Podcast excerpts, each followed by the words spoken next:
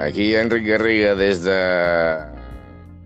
Consorci Pot, el canal de podcast del Consorci per a la Normalització Lingüística. Avui entrevistem el tècnic de voluntariat del Centre de Normalització Lingüística de Tarragona, el Gerard Escarrer, perquè ens expliqui novetats i detalls del, voluntariat aquest 2021 que comença fred i pandèmic. Bon dia, Gerard. Bon dia. Eh, mira, saps que tenim aquí un canal de podcast i volem que ens expliquis per als nostres eh, usuaris i clients les modalitats del voluntariat lingüístic que avui en dia estan més en boga. Per exemple, per començar, em sembla que el 2019 va ser quan es va engegar el voluntariat lingüístic virtual. És aquesta la data correcta?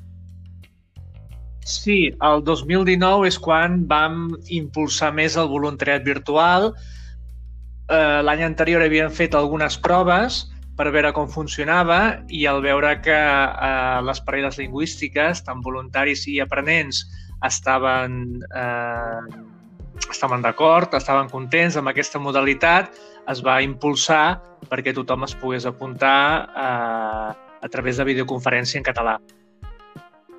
Bé, això, eh, en principi, si no tenia mal entès, eh, s'havia pensat per a eh, gent que volgués parlar en català que resideix fora de Catalunya i, per tant, que diguem que difícilment podien practicar o trobar, trobar parella al lloc on viuen i se'ls emparella amb alguna persona que viu aquí. Però eh, eh, resulta que el 2020, amb la pandèmia, que fins i tot no ens podem trobar ni amb els que viuen a, a dos carrers més enllà, eh, aquesta ha sigut la fórmula que s'ha posat en pràctica per a les parelles lingüístiques també aquí a, a Catalunya i a cada poble i a cada ciutat. Com funciona eh, això? Explica'ns una mica. Sí, doncs degut a, a la situació sanitària actual, doncs eh, l'any passat va haver, vam decidir, evidentment, que només podíem fer l'opció virtual i va augmentar exponencialment la, la, la demanda tant de voluntaris com a aprenents per poder eh, alguns continuar fent el voluntariat virtual i altres per primera vegada s'iniciaven en, el, en el voluntariat. La veritat és que amb la pandèmia sí que tothom, eh, la videoconferència abans era una cosa que no tothom havia provat, però com que no es va quedar més remei des del mes de març de l'any passat, doncs molta gent fent una videoconferència ja ho tenia ja tenia les aplicacions a l'ordinador o al telèfon mòbil i ja no era una cosa difícil, sinó que ara en, qualsevol persona de, ja sigui d'edat jove o, o edat més avançada, molts han fet alguna vegada alguna videoconferència. Així que és una modalitat que, que ens va funcionar i va, va ser molt, molt adequada per al voluntariat, per al voluntariat que estàvem fent. Ah, bé, clar, justament amb, la, amb el confinament tots ens hem acabat acostumant a les videoconferències amb els amics, amb la família, i ja sigui pel mòbil o amb l'ordinador o amb una tauleta, al final resulta que ara estem tots més connectats a videoconferència que físicament. I suposo que això, doncs, amb el voluntariat virtual també ha ajudat a que la gent, la, que, que potser a principis de l'any passat era més reticent, ara tothom ja s'hi ha acostumat i les parelles lingüístiques deuen funcionar bastant per videoconferència, no? Sí, exacte. No només parelles lingüístiques, sinó també grups de conversa. Els grups de conversa que feien presencials també els hem adaptat perquè es puguin fer eh, en línia. El que fem al moment de formar el grup, busquem aprenents que tinguin un nivell força semblant de català perquè així la, la, la conversa pugui tindre fluidesa entre les tres persones tres o quatre persones. També és veritat que a través de Zoom doncs, pots fer més, més, més gent, però nosaltres eh, som partidaris de fer grups de tres persones, dos aprenents i un voluntari per videoconferència i així els, els aprenents poden, poden parlar més estona amb el voluntari, perquè si fossin un, un grup de set o vuit aprenents i un voluntari, doncs durant l'hora de conversa podrien parlar poc els aprenents. En canvi, si són tres, es pot adequar més als temps. Ah, ara has dit una cosa que, important, has dit l'hora de, la, de la conversa.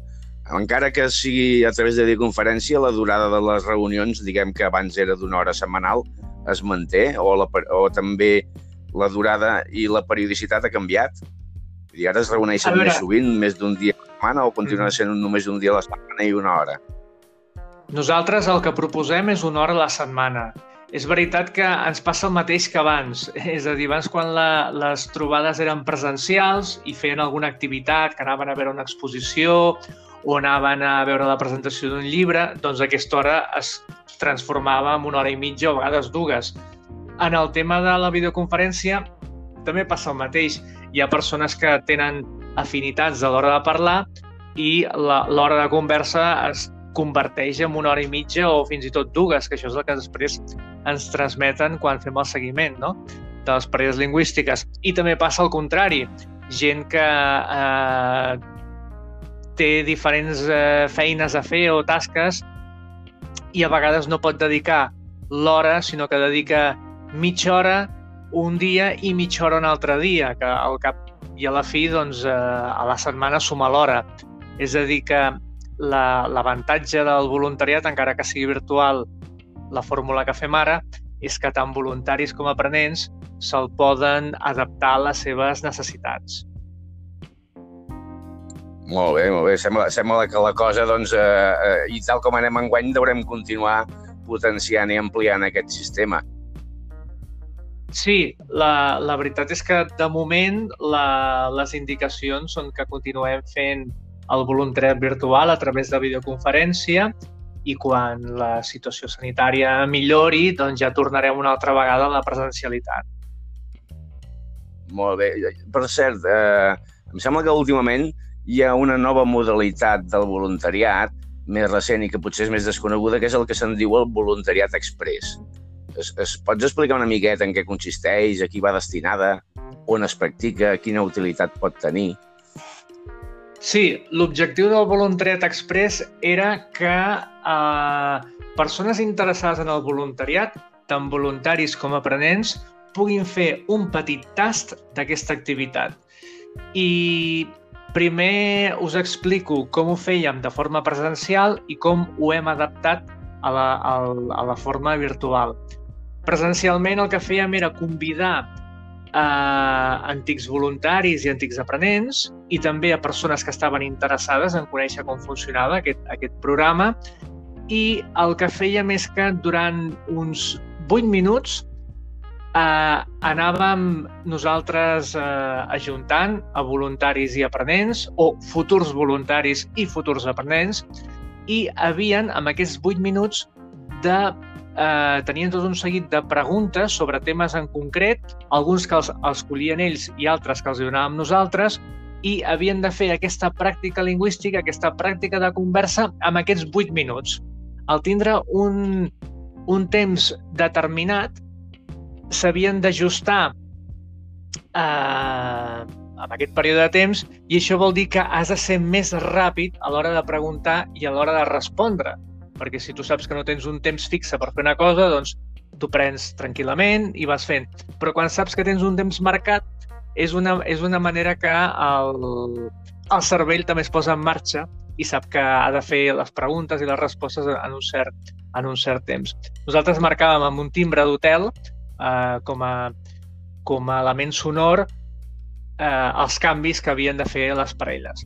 Això l'any passat ho vam passar a la forma virtual i um, amb una classe del bàsic 3 vam fer un tas del voluntariat on anàvem eh, formant diferents parelles lingüístiques i així vam veure com funcionava el voluntariat i alguns, alguns alumnes es van apuntar al voluntariat virtual. I, i no, no m'acabo de veure com, com es fa eh, virtualment el Voluntariat Express? Es fa per, per uh, Zoom o per alguna aplicació d'aquestes de videoconferència? Nosaltres ho vam fer al Teams, al mateix Teams, amb una classe virtual d'un bàsic 3, sí. que hi havia la professora i els alumnes, doncs eh, estaven tots en pantalla i els veiem tots. I el que fèiem era eh, fer els grups de conversa i, i evidentment també hi havia l'element sonor per marcar els canvis i jo els hi facilitava tot un seguit de temes que ells havien de improvisar amb aquests 8 minuts de conversa. És a dir, eh, ah. aprofitàvem una classe del bàsic 3 virtual per fer l'activitat sí. del voluntariat express. I això, enguany, diguem que es continuarà potenciant les classes virtuals, aquest, eh, les proves de voluntariat express? Sí, la intenció és fer-ho perquè és una manera de difondre el programa. Com que ara no, no hi ha classes presencials i no podem anar a explicar, com fèiem abans, en què consisteix el voluntariat, doncs s'ha convertit en una eina, una eina per poder difondre el voluntariat a través d'aquesta prova del voluntariat express. Molt bé, molt bé. Doncs escolta'm, eh, sembla que això eh, és, el, és el futur immediat, la videoconferència, el voluntariat virtual i el voluntariat express virtual i tot ho fem virtual mentre no puguem tornar-nos a veure cara a cara. Eh, al web del voluntariat hi ha informació d'aquestes modalitats perquè els que escoltin aquest podcast puguin eh, trobar-la i adreçar-se a nosaltres per apuntar-s'hi?